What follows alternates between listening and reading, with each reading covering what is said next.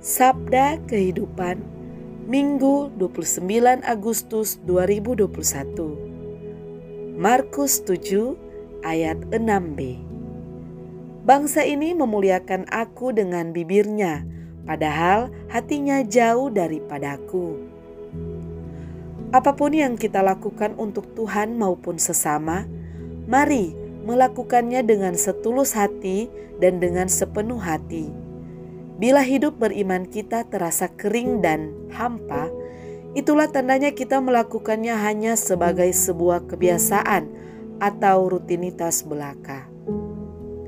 Sekedar menuruti perintah dan tradisi. Orang bisa saja hadir dan terlibat, tapi hati dan pikirannya tidak tertuju kepada Tuhan. Badan bisa saja di gereja, sementara ibadah atau misa berlangsung, tapi pikiran sudah melayang jauh entah ke mana. Akan datang rasa malas, keinginan mencari alasan untuk tidak berdoa atau beribadah bila hati jauh dari Tuhan.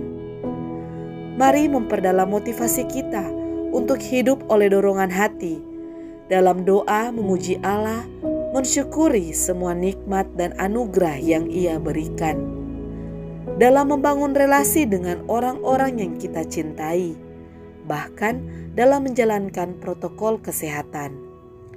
Bukan lagi karena diperintah, melainkan menjadi kebiasaan baik untuk hidup sehat dan peduli terhadap orang lain dan lingkungan sekitar.